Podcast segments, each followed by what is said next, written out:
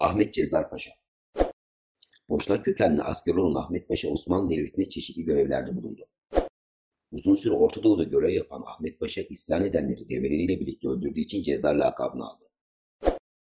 Ahmet Cezar Paşa'nın asıl ünü ise Napolyon'u Akka Kalesi önünde durdurmasıdır.